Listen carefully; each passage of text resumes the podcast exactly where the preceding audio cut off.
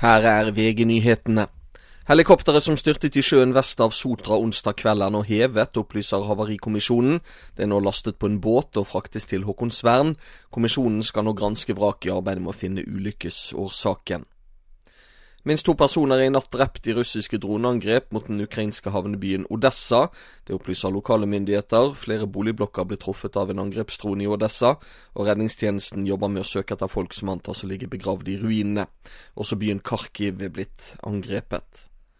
En person er knivstukket og skadet ved en moské i København. Hendelsen skjedde i natt. Offeret er skadd og sendt til sykehus, og et massivt politioppbud er på stedet.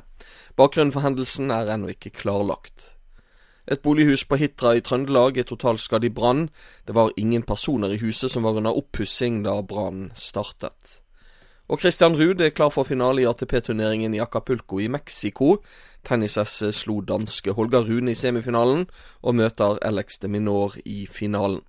I studio nå, Thomas Alsaker. Nyhetene får du alltid på VG.